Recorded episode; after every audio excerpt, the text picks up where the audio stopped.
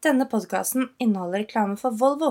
Eirik og jeg er opptatt av god helse og et langt liv. Derfor samarbeider vi gjerne med Volvo, som skal prestere innenfor sikkerhet. Volvo sin nullvisjon handler om at ingen skal dø eller bli alvorlig skada i en Volvo, og det er en stor prestasjon, det.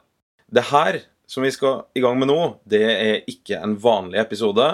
Det blir en såkalt vinterspesial. Jeg har nemlig tatt med meg båndopptakeren på siste samlinga for i år, og tatt en prat med Didrik Tønseth og Emil Iversen, to av verdens aller aller beste skiløpere. Der har jeg stilt dem litt spørsmål, og vi har sittet og drodla litt omkring prestasjon. Både når de var barn, ungdom og nå som eliteløpere. Før vi setter over til den lille praten vår, så må jeg bare få si tusen hjertelig takk for så vanvittig mye gode tilbakemeldinger på jeg kaller vår debut på podkastscenen.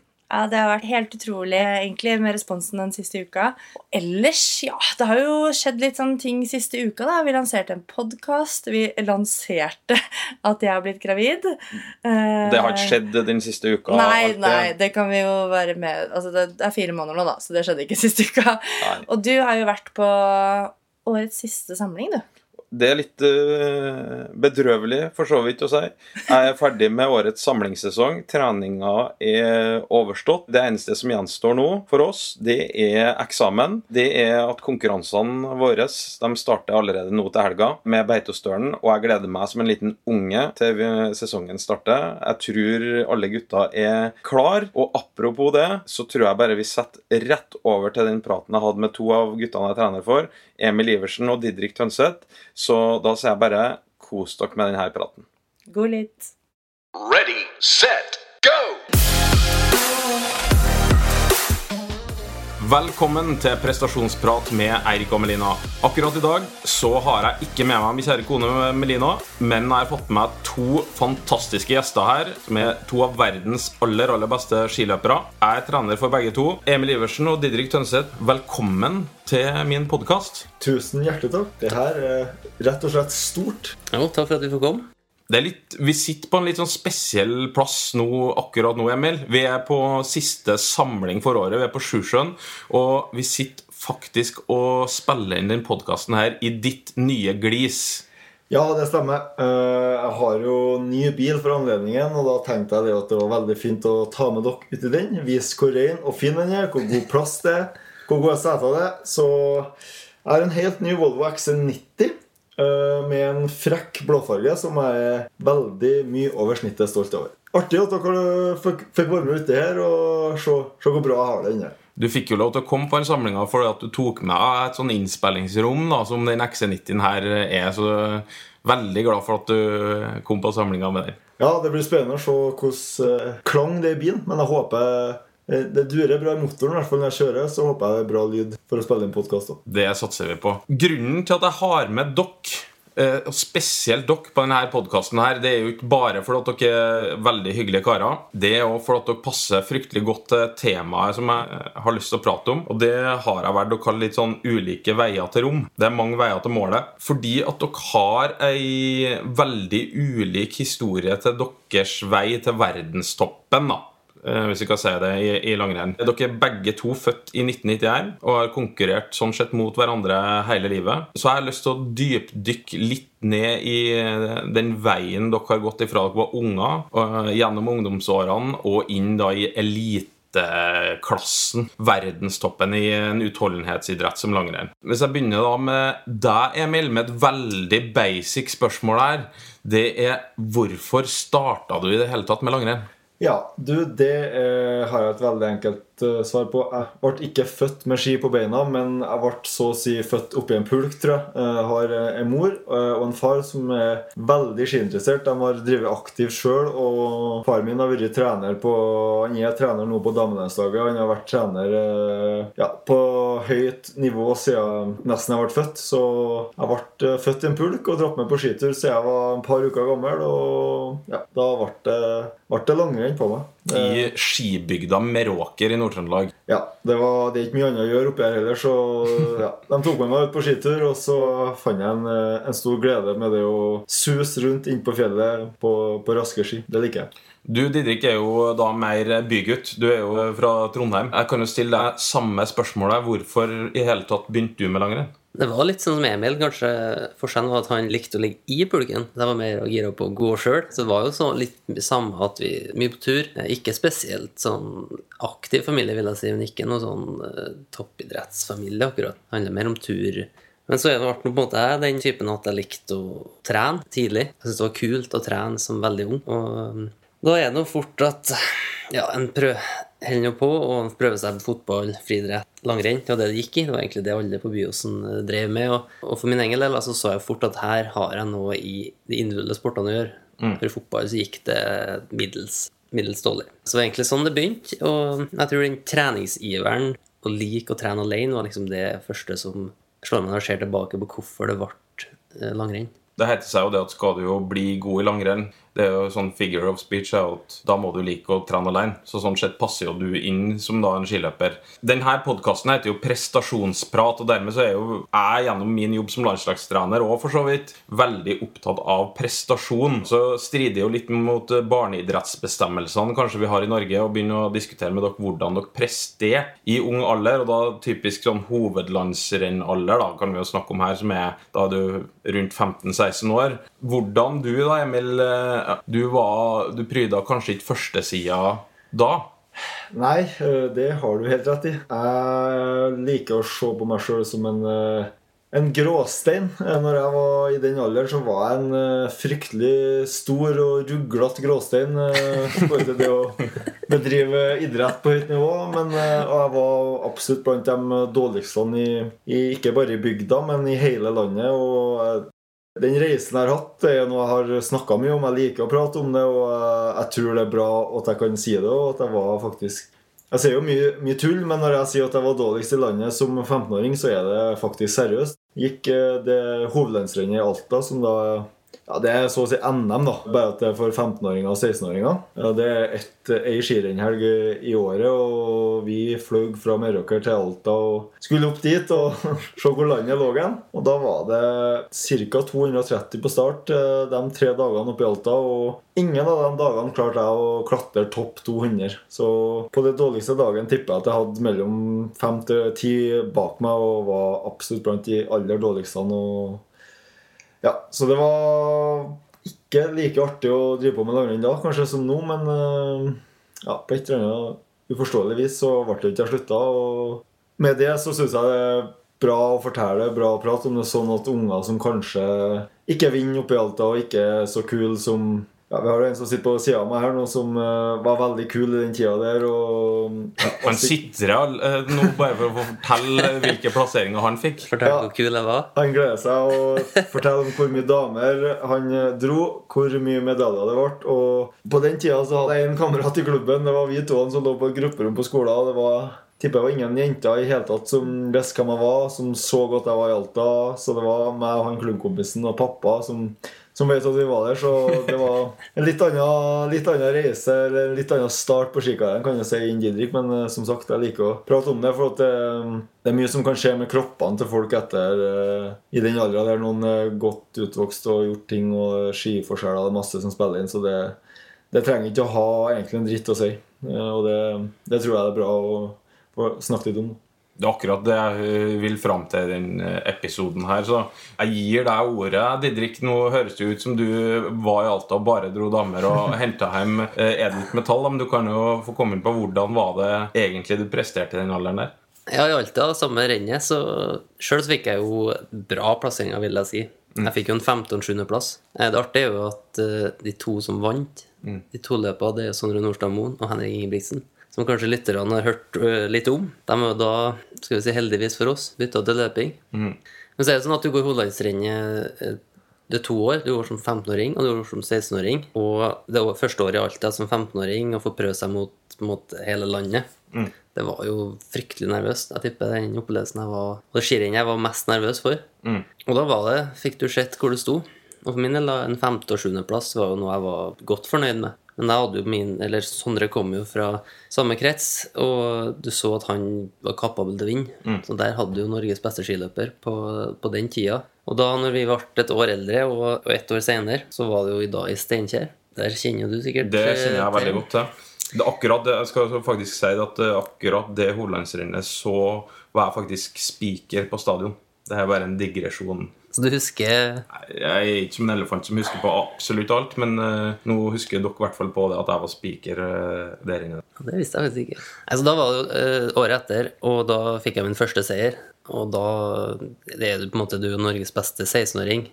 Og der og da så tror du at du er en av verdens beste skiløpere. For du føler at det hovedlandsrennet er det største, og, og det er veldig stort. Og da begynte vi å legge merke til Emil Iversen òg, som plutselig kom klatrende opp på listene. Det er ikke verst. Nei, ja, klart jeg tok noen plasseringer ja, Jeg tok veldig mange plasseringer på ett år. Vet ikke helt hvorfor, men jeg klatra nesten 200 plasser. På, fra jeg ble 15 da jeg var 16. Og det er ikke sikkert du husker, men jeg husker heller ikke at du var spiker. Men jeg husker når jeg kom i mål i Steinkjer på ene skøyterennet, så hadde jeg starta veldig tidlig, og jeg leda rennet når jeg kom i mål. Ja. Så mest sannsynlig hadde du òg lagt merke til det. Og det var, ble en del oppussing og sånn der. Ny leder. Emil Iversen. og jeg husker- Varden IL for Meråker på hjemmebane i Ja. Nord-Trøndelag. Og jeg, jeg nevnte det helt sikkert. Jeg husker ikke på det, nei. Jeg regner med det kom journalist til stede. Og det, var, sånn- det var veldig Det kom en del og slo meg etter hvert, men det var et ganske stort øyeblikk å komme i mål på Steinkjer og faktisk lede etter og bli slått av over 200 året før. Det Men det året der, da, fra Alta, den sommeren og høsten, med dem du trente med da, i Meråker Du må jo ha tatt noe kvantesprang i forhold til dem?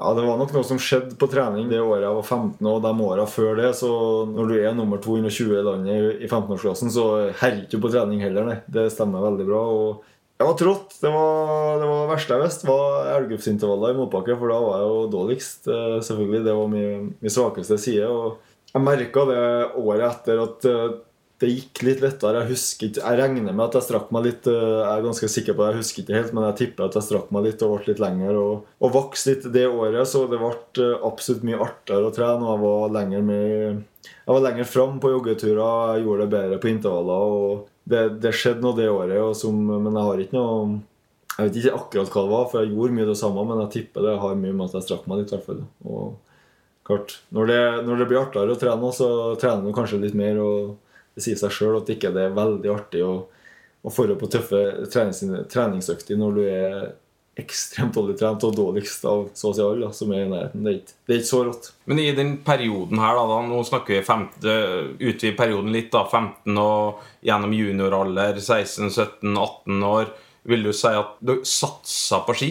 Jeg følte jo at jeg gjorde det. Ja. Jeg følte at jeg drev det så hardt som jeg kunne. Mm. Det var jo, Du måtte jo på en måte Du hadde jo litt plikter med skole og, og ting som tok tid, men jeg følte jo all den tida jeg hadde til overs, den brukte jeg på langrenn. Mm.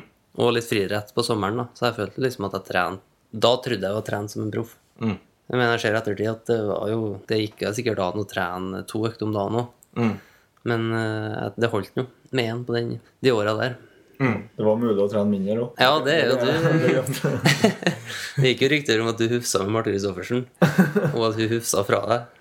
Det gjorde jeg veldig mange år. Og Nei, vi har hatt et foredrag eh, eller jeg husker vi snakka om det på skiskole en gang. og da jeg tror nok min eh, holdning til langrenn og det, på den tida at jeg var nok, jeg satsa ikke. Nei. Jeg syntes det var kult å få på trening og treffe folk. Være på skiskoler. Der kom det litt eh, jenter sørene til landet og sånne ting. Det var mye andre ting som jeg syntes var kult annet enn akkurat det å trene. Så ja. Det var, det var mer det sosiale som var målsettinga med å holde på med den idretten, og ikke fame, money and chicks. Det var mer altså, det sosiale livet. Ja, det, jeg kan ikke huske i det hele tatt at i de åra der at jeg hadde ambisjoner om å bli verdens beste skiløper. Det var veldig urealistisk, men eh, jeg har alltid vært aktiv, alltid vært glad i å holde på ut. Og ja, I klubben Varden i- hjemme i, Med- i bygda Meråker så var det mye treninger som jeg tror ble gjort på et ganske artig vis. Det var ikke sånn enkle fire ganger fire-intervaller og sånn, kall det litt sånn kjedelige ting som er veldig hardt, men det var stafetter, det var hinderløyper. Jeg føler på en måte jeg ble litt lurt nesten til å trene hardere enn egentlig det jeg trodde jeg gjorde. Jeg er veldig takknemlig for den klubben. Det, det som ble gjort der med noen fellestreninger, og vi samles der, og så var det oppvarming og ja, masse leker og stafetter. Og da jeg har et konkurranseinstinkt som um, det er ikke noe tvil om, så når det vekker til liv, så er det full innsats. Og da Jeg tenkte tenkt litt tilbake på det tida der, og jeg tror at jeg nesten ble litt lurt. Og jeg trente mye bedre kanskje enn det, det jeg var klar over, da, og, og hardere. Så Det er litt artig, for ofte så blir jo jeg Emil spurt for å holde foredrag, og da enkelte ganger for uh, unge skiløpere. Og da kommer det jo mye gode spørsmål, og, men vi er jo rake motsetningene. Så når jeg, hvis jeg starter å svare på spørsmålet, så har Emil et svar som er det stikk motsatte. Så de stakkars ungene som sitter og hører på det her, de blir jo sikkert så forvirra av hva huleste skal vi gjøre. Ja, men det handler jo litt her Som vi skal prøve å få fram essensen i podkasten her, da, er at det er mange veier til rom.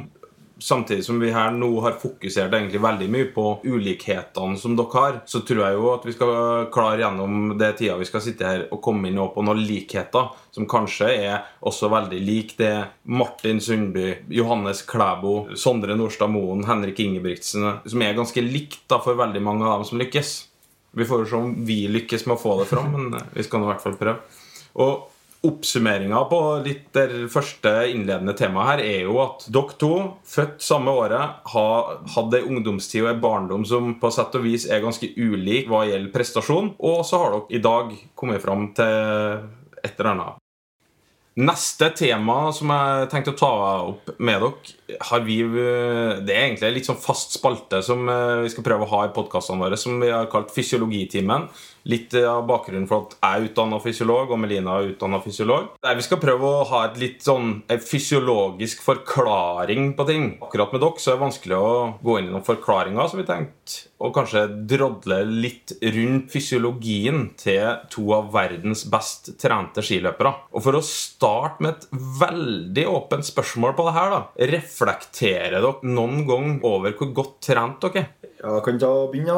Ja, jeg må være ærlig og innrømmer at eh, i de siste åra så har jeg faktisk tenkt litt over det. Jeg innser det nå at jeg begynner å bli veldig godt trent. Jeg er litt overraska nesten sjøl over at eh, Nå skal ikke jeg skryte for mye her, men jeg merker det at, at jeg holdt på nå i mange år. Jeg har bygga stein på stein, og kanskje er det litt mer sånn kall det oppsiktsvekkende for meg, for jeg har vært så dårlig trent òg. Så nå ser jeg det faktisk at jeg begynner å Jeg ser litt atletisk ut. Jeg trener mengder som jeg aldri har drømt om at jeg skulle gjøre, og jeg har tenkt over det, og at jeg er veldig fornøyd med ja, Jeg er ikke utad kjent for å være med maskin, men jeg føler sjøl at jeg er veldig godt trent og har en veldig robust kropp til å drive på med akkurat det, det jeg driver på med. Det er ikke at jeg er så veldig sterk eller akkurat har noe sånt spesielt, men akkurat for det langrenn så er jeg robust og veldig godt trent. Det vil jeg tørre å påstå, faktisk. Det er mulig han som sitter på sida her, er uenig, men uh, sjøl er det det jeg tenker, i hvert fall. Ja, men du er bra trent, Emil. Meget bra. Omgås jo mest langrennsløpere. Og det er jo ikke sånn at du går rundt og er suverent best langrennsløper. For vi får jo juling på rulleski, og det er juling på barmark og på ski. Men jeg føler jo at sånn som kanskje jeg har drevet litt siste år med litt løping, da, så var jeg litt spent når jeg tenkte jeg skulle satse litt mer. Og spesielt i fjor. Stille opp i NM terrengløp, og du vet egentlig ikke hva du går til. Og da syns jeg det er artig å få en bekreftelse på at langrennstrening funker veldig bra i løping òg. Vi springer jo en del, men vi går absolutt mest eh, rulleski, det vi gjør. Så at, eh, det syns jeg var litt artig å se i fjor, og artig å se i år òg. Selv om det ikke ble eh, gull i år, så ble det noe sølv. Og det å se at han gjør det bra i andre idretter, det på en måte føler jeg en bekreftelse på at vi er veldig godt trent som skiløpere. Ja, det, det er ikke noe tvil om at sånn, alt er relativt, selvfølgelig. Og dere er kategorien ekstremt godt trent. Dere har begge to vunnet mesterskapsgull eh, i ulike eh, grener, eller distanser for så vidt. Og det gjør du ikke uten å være top notch godt trent. Langrenn er jo en litt sånn kompleks idrett. Altså, her er utholdenhet, det er styrke, det er hurtighet. Og så kan det bryte ned mange av dem igjen til andre ting. Hva er dere tenker er den viktigste egenskapen dere besitter for å lykkes i langrenn? Det er jo utholdenhet. Eh, Det er jo en utholdenhetsidrett, men det som du sier, at langrenn er kanskje blitt fryktelig, eller vanskeligere og vanskeligere. Jeg mener sånne som Emil og Johannes, kanskje spesielt Johannes, som er en, han er en akrobat på skien i tillegg til å være vanvittig utholdenhet. Han er kjapp, han har alt. Og Emil er litt samme typen. Og du skal ikke bare ha god utholdenhet, du skal kunne stå balansert gjennom en sving. Vi ser mer og mer at sekunder å begynne å trene seg opp til å gå så mye fortere i rene motbakker er der er taket snart nådd. Men å kjøre svinger bedre og ta over kula og sånn, det er der på en måte mye av sekundene ligger nå. Så at, eh, jeg vil jo si at det er utholdenhet, men òg det kreves mer og mer du, av andre ting. Ja, altså det, det er uten noe tvil. Jeg er jo 100% enig med deg. Altså, grunnlaget for en god langrennsprestasjon ligger jo i utholdenhet. da. Den må være der. Det er, det er grunnmuren. Og så har også langrenn bevega seg har fått flere øvelser. Vi har fått inn sprint, det er flere fellesstarter. Du har eh, spurtpoeng underveis. Det er torer som gjør at det ikke bare kanskje vedkommende med høyest maksimalt oksygenopptak som vinner lenger. Altså det stiller større krav til hurtighet, styrke. Du er inne på de tekniske momentene. Det er helt riktig. Og Emil som da sitter og som er kanskje innenfor kategorien mer enn han er jo på et allround-landslag i dag og er jo kanskje prototypen da på en allrounder. Du er jo hurtig, du er sterk. Du har kanskje flere kompletterende egenskaper da enn Didrik, som sitter som er kanskje først og fremst utholdende. Ja, det stemmer nok det. Og det er jo da som sagt en av mine styrker. og at jeg har eh, ja, gode svinger, leka mye på ski da jeg var liten, har bra balanse. Har, uh, har falt en gang, som sikkert flestene vet. Det var rett før jeg kunne bli verdensmester for første gang i, i VM i Lahti. Men ellers så har jeg holdt meg mye oppreist og er flink på mye andre ting. Og kanskje det jeg vil si kanskje har en fordel til forhold til Didrik og andre på laget, det er at jeg tror de egenskapene der er verre kanskje å gjøre noe med i senere tid enn det egenskaper som Didrik og de, en del andre på laget har. som er ekstremt utholdende, at de er veldig seige, det tror jeg at det kanskje er lettere for meg å lære litt av dem. Mm. Eh, Med at jeg er på lag med dem nå, at jeg alltid får se hvor skapet skal stå på trening. Og jeg blir dratt med på intervaller. Og jeg, ja, jeg ser hvor landet ligger hele tida. Og ja, siden jeg kom inn på laget, så har jeg prøvd å henge på. Og sakte, men sikkert så har jeg nærma meg dem litt og litt. Mens eh, i forhold til det og litt sånn svinger, litt sånn ja, taktisk eh, og litt sånn skileik-ting. Det er mer sånn fra barndommen. Kanskje ligger litt mer sånn eh, Ja, det er der, ellers er det ikke der. Så det er kanskje en av mine fordeler at jeg har hatt med meg det. da, Og så har jeg vært heldig å komme inn på et så bra lag som har gjort da at jeg har kunnet ta store steg på det utdanningsbiten. Som er det viktigste. Det har jeg jo aldri klart eh, om jeg har stått alene. Det, det, det har jeg blitt mer og mer klar over den siste tida, eller de siste årene. Og jeg ser hvor mye laget jeg har vært på noen av de siste årene. hvor mye jeg har fått mye juling, men eh, det, det begynner å gi, gi, gi seg betalt. Så det har nok kanskje Eller jeg har vært heldig, heldig med det at jeg har fått eh, vært på det laget med de kanskje beste utholdenhetsutøverne nesten gjennom tidene. Det har noen gode med Bjørn Dæhlie, og det har vært gode før òg, men sånn totalt sett har det vært, er det veldig høyt nivå nå på eh, landslaget jeg er på, så det har vært litt heldig. Og så ser du, tror jo den som Emil sier, at når han var liten og leika på ski, Mm. sprang med én ski og én stav og Vi har jo ofte en dag på våren der Emil har arrangerer en stafett for oss alle på laget. Oppe i Sulis. Og du ser jo en eh, undertegnede og flere av de eldre herrene på laget også er ganske hjelpeløse når du skal fære og gå baklengs på ski og sånn. Og det er jo Som snart 30 år så er det ikke så ofte jeg sjøl har stafett på trening. Nei. Og det er ikke ofte du setter opp heller. Nei, nei. Så kanskje burde vi ha gjort det mer. Kanskje det er løsninga. Men jeg tror at det er vanskeligere å få inn den leiken og den, de koordinative egenskapene og utvikle dem, som han gjorde når han var ung, mens jeg kanskje trent mer målretta. Det ser du helt tydelig i dag.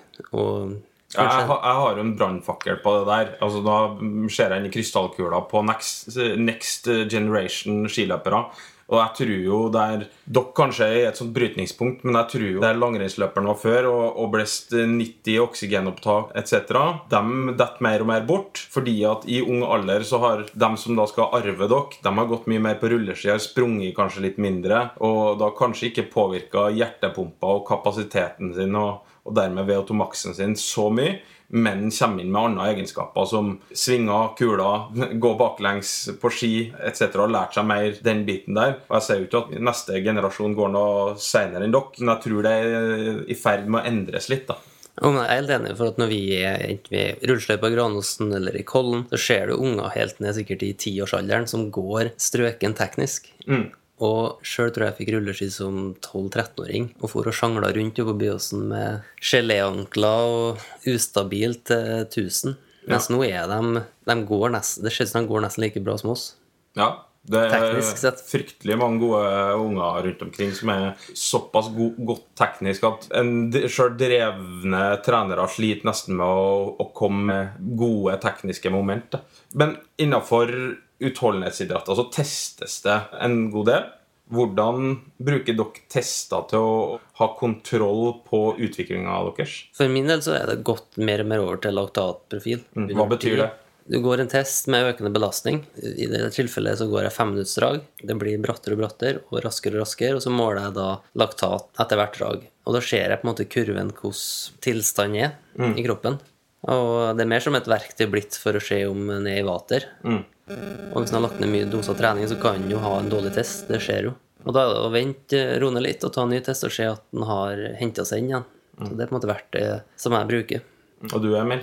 Ja, når du spør om hvordan eh, jeg bruker testing til å følge med utviklinga mi, så må jeg si at jeg, jeg bruker ikke testing til å følge med utviklinga. Jeg har ikke tester som Ja, jeg har ikke gjennomført en test i år jeg, som jeg kan si at jeg persa på, eller eh, det er ikke høyere O2, så jeg vet ikke. Jeg har ikke måla O2-en, har ikke gått noe rulleskirenn eller som som er veldig sammenlignbart, så jeg også er litt som Didrik at jeg bruker en ja, kaller, Jeg kaller det Nossum-testen. Det er en test for å sjekke at kroppen er i vater når det kommer til puls, feeling og melkesyre i musklene. Det blir feil å si at jeg famler helt i blinde, fordi at jeg er jo på det beste skilandslaget kanskje gjennom tidene, så vi får egentlig testa oss litt når vi er på samling, når vi møtes. Da skal vi vise oss fram, og er du med å prege sånn nok, så har du egentlig nok bekreftelser på at jeg er i god form og er i rute, så hvis du da krydre det med å ha en eh, test kanskje en gang i måneden som bare passer på at du ikke blir for ivrig, at du, du passer på at du har overskuddet, og du passer på at eh, kroppen er i vater, så er det noe vi har funnet på laget, tror jeg at er det viktigste. Og at sånn ja, rulleskitester eller sånne ting, det, det blir litt sånn det, vær, øh, jul, det er mye som kan variere og sånn, så det ja, vi bruker ikke Vi har jo nesten ikke testløp på laget heller lenger, så det, det har nok kommet litt og litt mer bort. Men øh, alle vi har vel hver vår test som passer på at vi ikke er helt ute å kjøre, og at kroppen er relativt vater da, når vi starter på en ny uke eller en ny måned eller kommer på neste sommer. Ja, altså, Dere har jo tester som er veldig individuelle til dere sjøl, som gjør at akkurat de testene er veldig vanskelig å sammenligne med andre som tester annen plass i landet. Du tester, Emil tester i Meråker, du tester i Trondheim, Didrik. En av dere springer, og en er på rulleski. Men det som er viktig med dem, er at de er den samme for dere hver gang. Og Det er ikke en prestasjonsbasert test som dere skal perse på hele tida. Det er for å sjekke at dere har enten om, øh, om har dere hvilt lenge nok, at dere er restituert, eller er dere i balanse sjøl etter en treningsperiode etc. Tidligere så var det jo veldig mye mer test i langrenn med tester VO2 max flere ganger i året. Kanskje var noen styrketester, diverse løpstester i form av konkurranse etc. Jeg mener jo i da klubber rundt omkring eh, etc., så er jo å ha løpstester f.eks. En eller annen plass på en varighet mellom 7 og 15 minutter er en meget god test som selv om det regner en dag og er sol en annen dag, så kan det sammenlignes. Da trenger du ikke å bruke mye tid på fysiologisk testing, sånn som vi gjør da eh, på landslaget. Jeg er enig med det siste her, at du sier at å springe et testløp, en gitt distanse, springe B, det er jo på en måte for, den, for lyttere og mosjonister og aktive og skiløpere, så er det jo greit å ha noe håndfast. Et testløp, om du springer det en gang i året eller to ganger i året eller en gang i måneden, det er noe opp til deg sjøl, men å ha noe på beina tror jeg er det beste. For at rulleskihjul kan endre seg. Er det bløtt, triller dårligere, blåser det, så vil du merke det. Men med joggesko så er det veldig lite feilkilder. Mm. Du får på en måte svaret svart på hvitt. Er du blitt bedre trent, eller har du blitt dårligere? Ja, og det, som alltid er det, går det jo på individuelt nivå. Om du har fire i klubben som slår deg, men du har persa med et halvminutt, så er det det du skal se på. Ikke sammenligne seg alltid med seg sjøl på den biten. Og jeg tror jo at kanskje at det var en liten feil som ble gjort kanskje i større grad før. At folk sammenligna seg veldig på testene. Når det ble kjørt mye det samme rundt omkring i Norge, så ble det alle skulle ha pers til enhver tid. Dermed ble det også testdagene, som egentlig ikke skal være noe harde økter. Men alt det ble konkurransepreg over. Så fikk du ekstra hardøkt hele tida, og så gikk det utover totalbelastninga til slutt. Altså, det er jo for min del som trener en av grunnene til at jeg egentlig ikke er så pro at vi skal teste oss i hjel. De gangene vi gjør det, så skal det være en tanke bak at vi gjør det. Og så er det en psykisk belastning òg.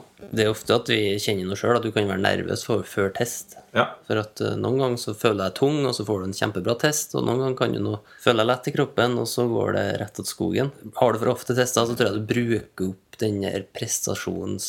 Kan du si at du har et beger med prestasjon. Og at du må bruke opp litt og litt som du egentlig burde ha spart alt i vinteren. Det er et jækla interessant moment som dere er inne på, og det er jo fra deres perspektiv som utøvere, det men mentale aspektet. For jeg som pragmatiker og fysiolog og trener oppi det her, jeg jeg er jo opptatt av tallene etc. Så jeg har jo diskutert med mange av dere etter tester som kanskje ikke hadde vært sånn som en håpa at det skulle være. Og så er jeg på den at den er akkurat sånn som den skal være, fordi at den er i vater, men dere har kanskje en fornemmelse av at nå skal jeg perse, etc. Så jeg ser absolutt at det kan være et mentalt aspekt i det. Vi prøver å komme oss videre i podkasten, og da er vi faktisk i gang med tredje tema. Og det, er, av alle ting, i mangel på kreativitet, så har jeg kalt det temaet for Didrik eh, sine utfordringer. Det er jo veldig fint. Og vi har jo akkurat prata om det med testing, og det er jo en grunn til at du kanskje ikke tester så mye O2, Didrik. Eh, Jeg tror ikke at jeg skal forklare dine problemer så veldig mye. Jeg vil at du forklarer dem sånn som de er. Ja, jeg setter pris på at du har en egen spalte nå. Jeg håper Ja. at det blir kun episoden her, at det ikke blir Didriks utfordringer hver episode Ja, ut gjennom vinteren å- her. Prøve å ha den med minst mulig. Men det som du sier da, at eh, som junior så testa jo mye eh, VO2 Max. Mm.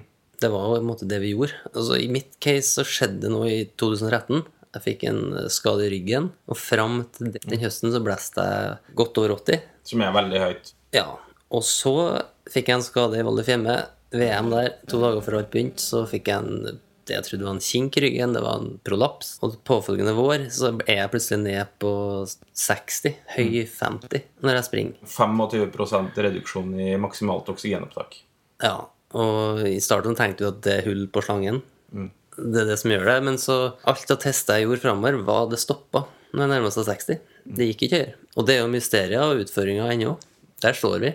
Ja, og det, det er jo nesten derfor jeg har det med. For at det her er et, et mysterium som jeg og flere, og du og flere, har prøvd å nøste i og finne ut hvorfor. For at vi må legge til her at du fortsetter å springe på samme belastningene, så du springer jo nå på belastninger som koster 85-90 egentlig å gjennomføre, men du bles fortsatt 60 i maksimalt oksygenopptak. Ja, så det er jo resultatet etter 2013 har jo vært bra. Men jeg skulle jo gjerne likt og visst hvorfor. Det skal jeg jo. Men det om vi noen gang finner ut, det er nå ikke sikkert. Og um, vi har nå prøvd uh, det vi kan, føler nå jeg. Jeg føler Etter du var trener, så har vi nå prøvd eh, både pedagog i sang og alt mulig rart, egentlig. når jeg var med deg til sangpedagog for å kanskje potensielt trodde at det her hadde noe med ditt pustemønster å gjøre. Veldig interessant dag på jobb, men veldig spesiell og veldig sjelden at en langrennstrener er med til en sangpedagog som jobber i operaen. Ja, sjøl òg, så var det en, det var en opplevelse. Jeg syns jo jeg synes det er artig å tenke litt utenfor boksen. Og, um, nei, så det, det, er, det er jo et Jeg føler at det er et mysterium. Jeg springer ja, Sånn som i år, så har jeg persa på alt av løpstester. Det er jo ikke at det, kroppen ikke fungerer. Den fungerer jo veldig bra. Men hver gang jeg får det munnstykket i munnen og skal gjøre en test som alle klarer, det er ikke noe krevende å gjennomføre, så står noe, stopper nå tallet. Jeg kan springe og springe, men tallet stopper på underkant til 60. Det, er altså, I fysiologiske termer så er det en eller annen plass det er en lekkasje. For å være litt nerd her, da, så er det som at du dekker 25-30 milliliter oksygen anaeropt. At du dekker ikke aeropt med oksygen, men du dekker anaeropt, som betyr da uten oksygen. Det er ikke mulig. Så en eller annen plass er det en lekkasje. Vi bare finner ikke ut om det er i ræva på deg eller, eller noen annen plass. Så hvis du sitter her, kjære lytter, og har løsning på det problemet, vennligst send en melding til prestasjonspodden på Instagram. Vi tar gjerne imot dine tips. Ja, det gjør vi. Oppi alt det her så har du òg hatt litt sånn utfordringer knytta til ernæring. Ja, det er jo Det var jo på en måte Det er jo mange som har gått lange skirenn og følt på godt om. Og det er jo en eh, veldig tung og forferdelig følelse. Du er ganske hjelpeløs når det er slutt. Da er det slutt. Trøbbelet mitt var at jeg gikk jo tom Hvis jeg trente mye en periode, så gikk jeg jo tom hver natt. Jeg måtte jo stå opp og spise. Og jeg spiste og spiste, og det ble aldri nok mat.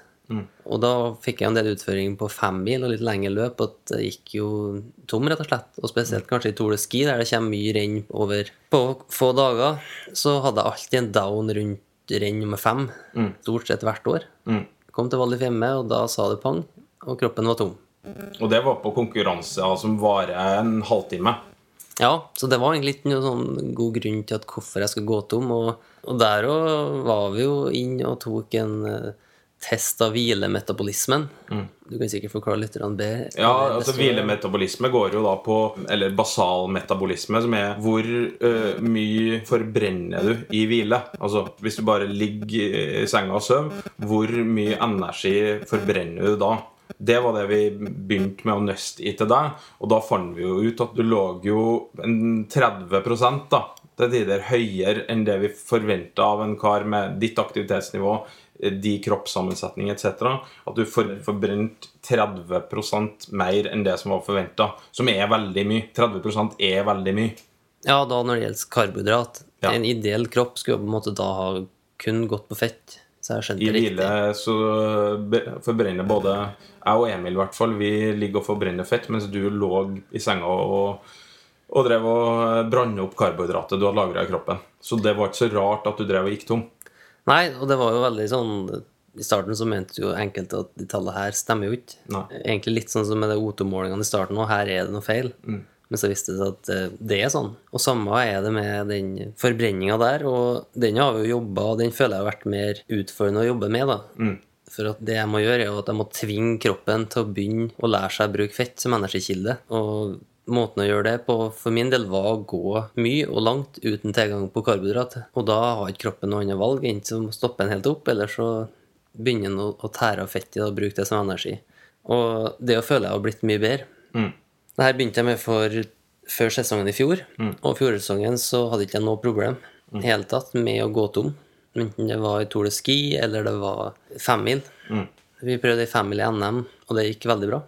Så um, å si at problemet er løst, er ikke, men det har i hvert fall blitt mye, mye bedre enn hva det var. For det var Det gikk nesten ikke eh, Jeg kunne ikke gå over en time på ski før jeg følte at nå må jeg ha mat. Jeg var skrubbsulten. enn jeg har spist frokost. Ja, du, du er jo inne på Didrik, Jeg tror ikke at vi er eh, helt i mål på å komme helt til bunns i alle dine utfordringer, som det kapitlet her heter. Vi har eh, kanskje klart å funne en måte å prestere, kalle det litt sånn å leve med det. Finne noen løsninger på enkelte ting. Men å si at vi har kommet til mål, det, det har vi ikke. Om vi noen gang gjør det, det vil eh, vise seg. Det eneste som er sikkert, at du må legge til rette ernæringsmessig kanskje i mye større grad enn de fleste andre skiløpere på det samme nivået som du er på. Og sånn er nå denne bransjen. at Skal du lykkes, så, så handler det også om detaljene. Og, og den, den biten der er jeg helt overbevist om at det er viktig for at du kan prestere over tid, tror jeg. Da begynner vi å nærme oss avslutninga egentlig på denne podkasten. Jeg nevnte i innledninga vi er nå på siste samling. Vi er faktisk ferdig med nest siste treningsdag av eh, treningssesongen før det braker løs om eh, ei drøy uke på Beitostølen. Undertegnede gleder seg enormt til det. Hva med dere? Nei, når du sitter og ser det nå, så blir det jo nesten litt rørende. Det er jo så, For meg er det så godt at eh, treningssesongen er over nå. Det, det må jeg bare være ærlig og si. Det har vært uh, veldig mye tøffe tak. Vi har trent uh, utrolig godt. Vi la jo bak oss en uh, eventyrlig sesong i fjor der så å si alt gikk vår vei, og vi tok med oss røbbel og bit i VM, og vi gjorde det bra i verdenscupen. og vi ja, Vi var veldig bra så å si alle sammen, så når vi måtte evaluere sesongen, så skjønte vi at vi kan ikke hvile på dørebæra. Det vi har fått til nå, er veldig bra, men vi har lyst til å fortsette i samme duren, så ja, jeg føler vi vi har opprettholdt eh, i hvert fall nivået. Vi har trent veldig bra. og ja, det, det er slitsomt, så jeg må bare si at jeg er veldig fornøyd. Når den siste intervallen ble gjennomført i går, så var jeg fryktelig glad. Jeg hadde, på min del hadde mange gode intervaller. Det har vært en, en bra sommer og høst. og ja, Vi har stått på, så jeg, vi går jo på ski for, ikke for at vi elsker å trene. Eh, Vi, vi liker å trene òg, men vi elsker å konkurrere. Vi elsker å gå skirenn. Det er det som er langrenn, så jeg tror alle vi som er på samlinga her nå, alle på laget, vi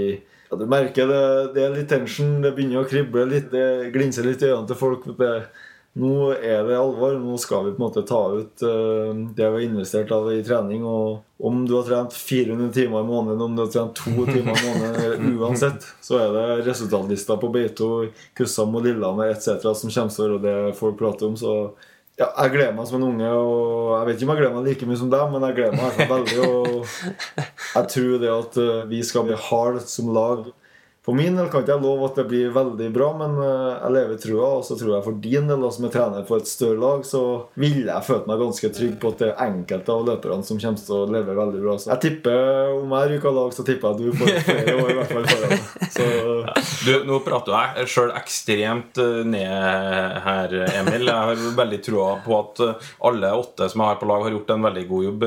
At, og det er en av hovedgrunnene kanskje til at jeg gleder meg. Det kommer til å bli tøft og det kommer til å bli utfordrende, ikke minst med å uttak og det å få gå. Dere er mange som konkurrerer om de samme plassene. Bare her i, i bilen din nå, Emil, sitter dere to utøvere som eh, konkurrerer om de samme plassene. Og jeg kan jo spørre deg, Didrik, i en sesong som i år, som er uten noe mesterskap, hva er liksom målene dine for sesongen? Det er jo mye, veldig mye fine vølkepelger. Det er jo fine renn, så å si hver helg. Og så har vi jo en skitur 2020 som starter i Østersund via Åre Meråker og skal avsluttes i Trondheim. Og for oss trøndere så er jo den ekstra viktig i år. Worldcup-sirkuset kommer tilbake til Trondheim, og da håper jeg å gjøre en god tour. Og få til noe, noe renn som eh, lukter svidd. Lukter svidd av i Trondheim. Jeg regner jo med, da, Emil, vi sa det i innledninga her, at du er fra Meråker, og, og World Cup da, for første gang i historien skal gå i mål nærmest i bakgården din. At det stikker seg litt ut som et hovedmål.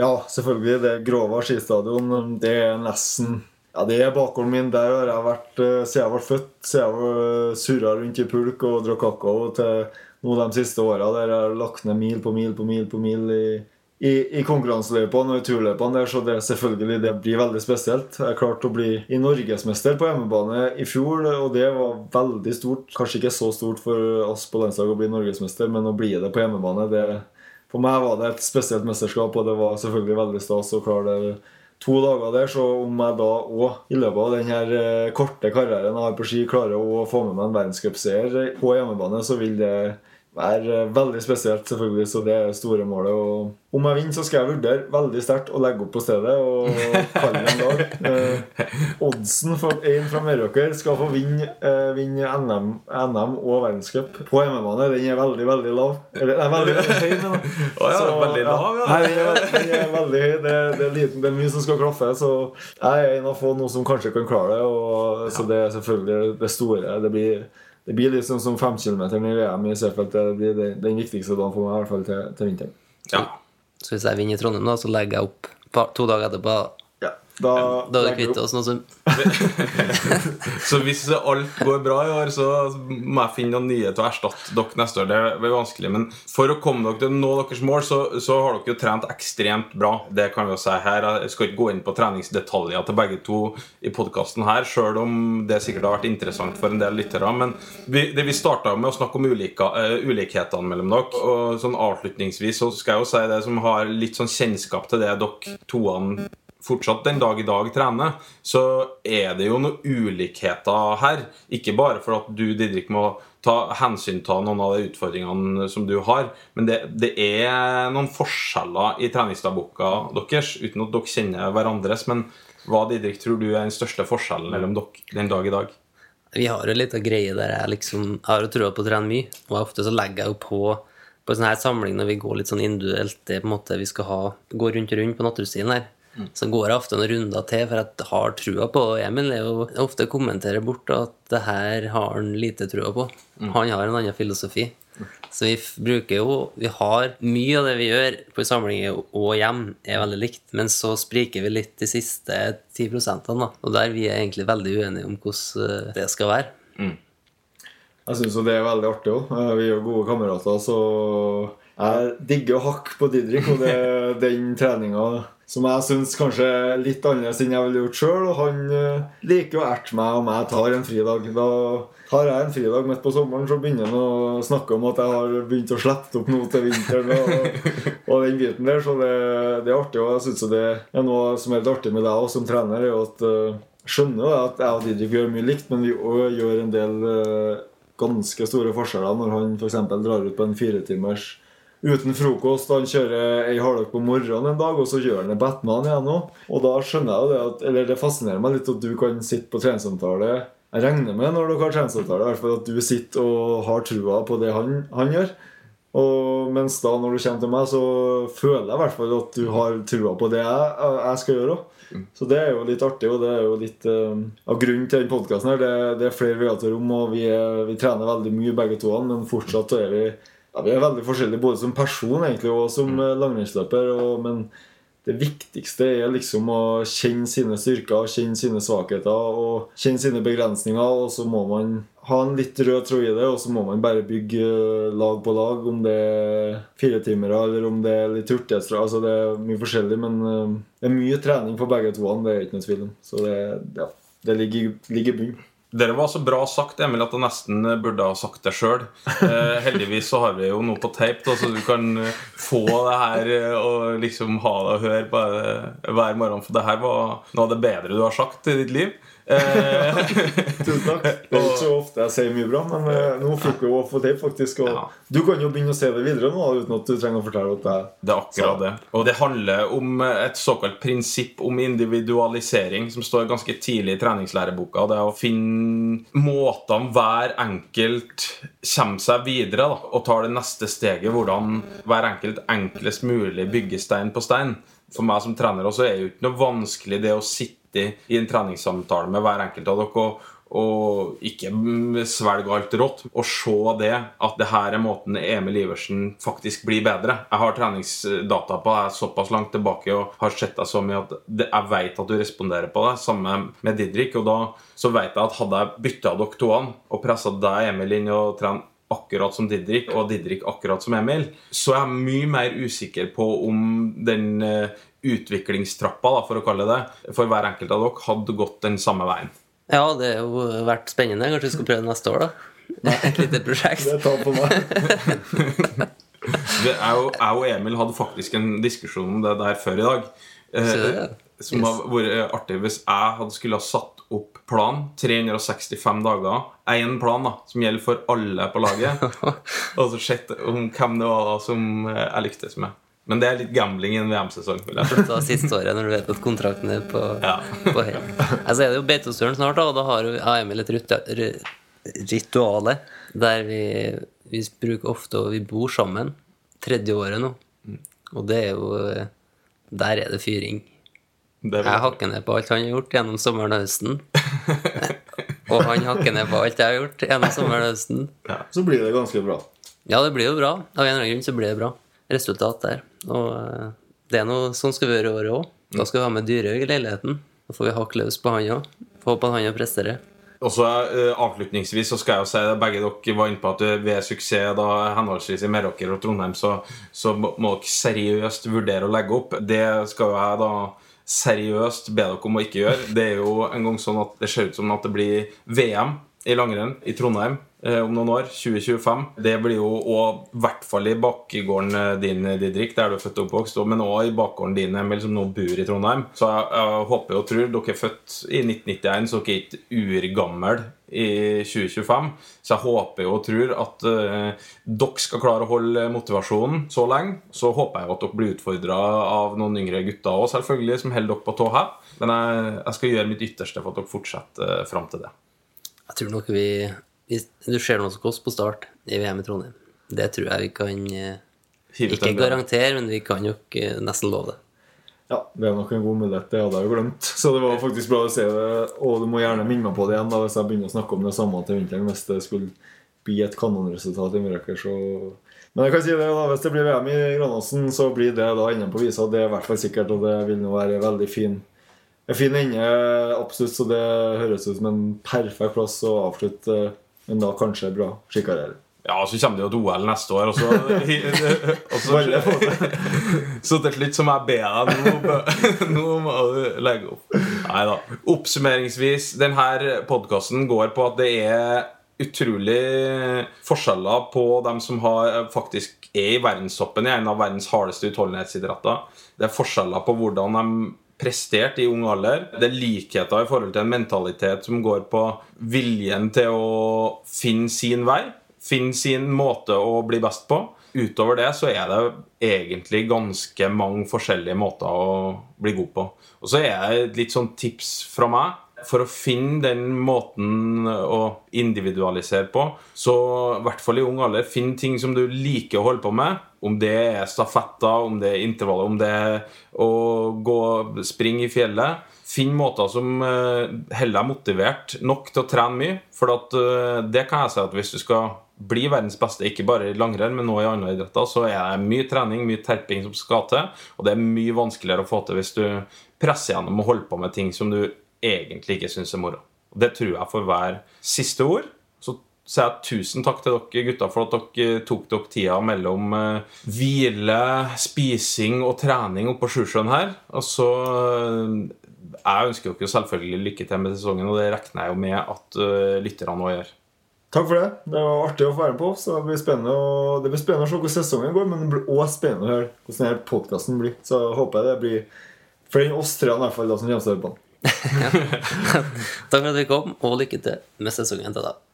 Takk.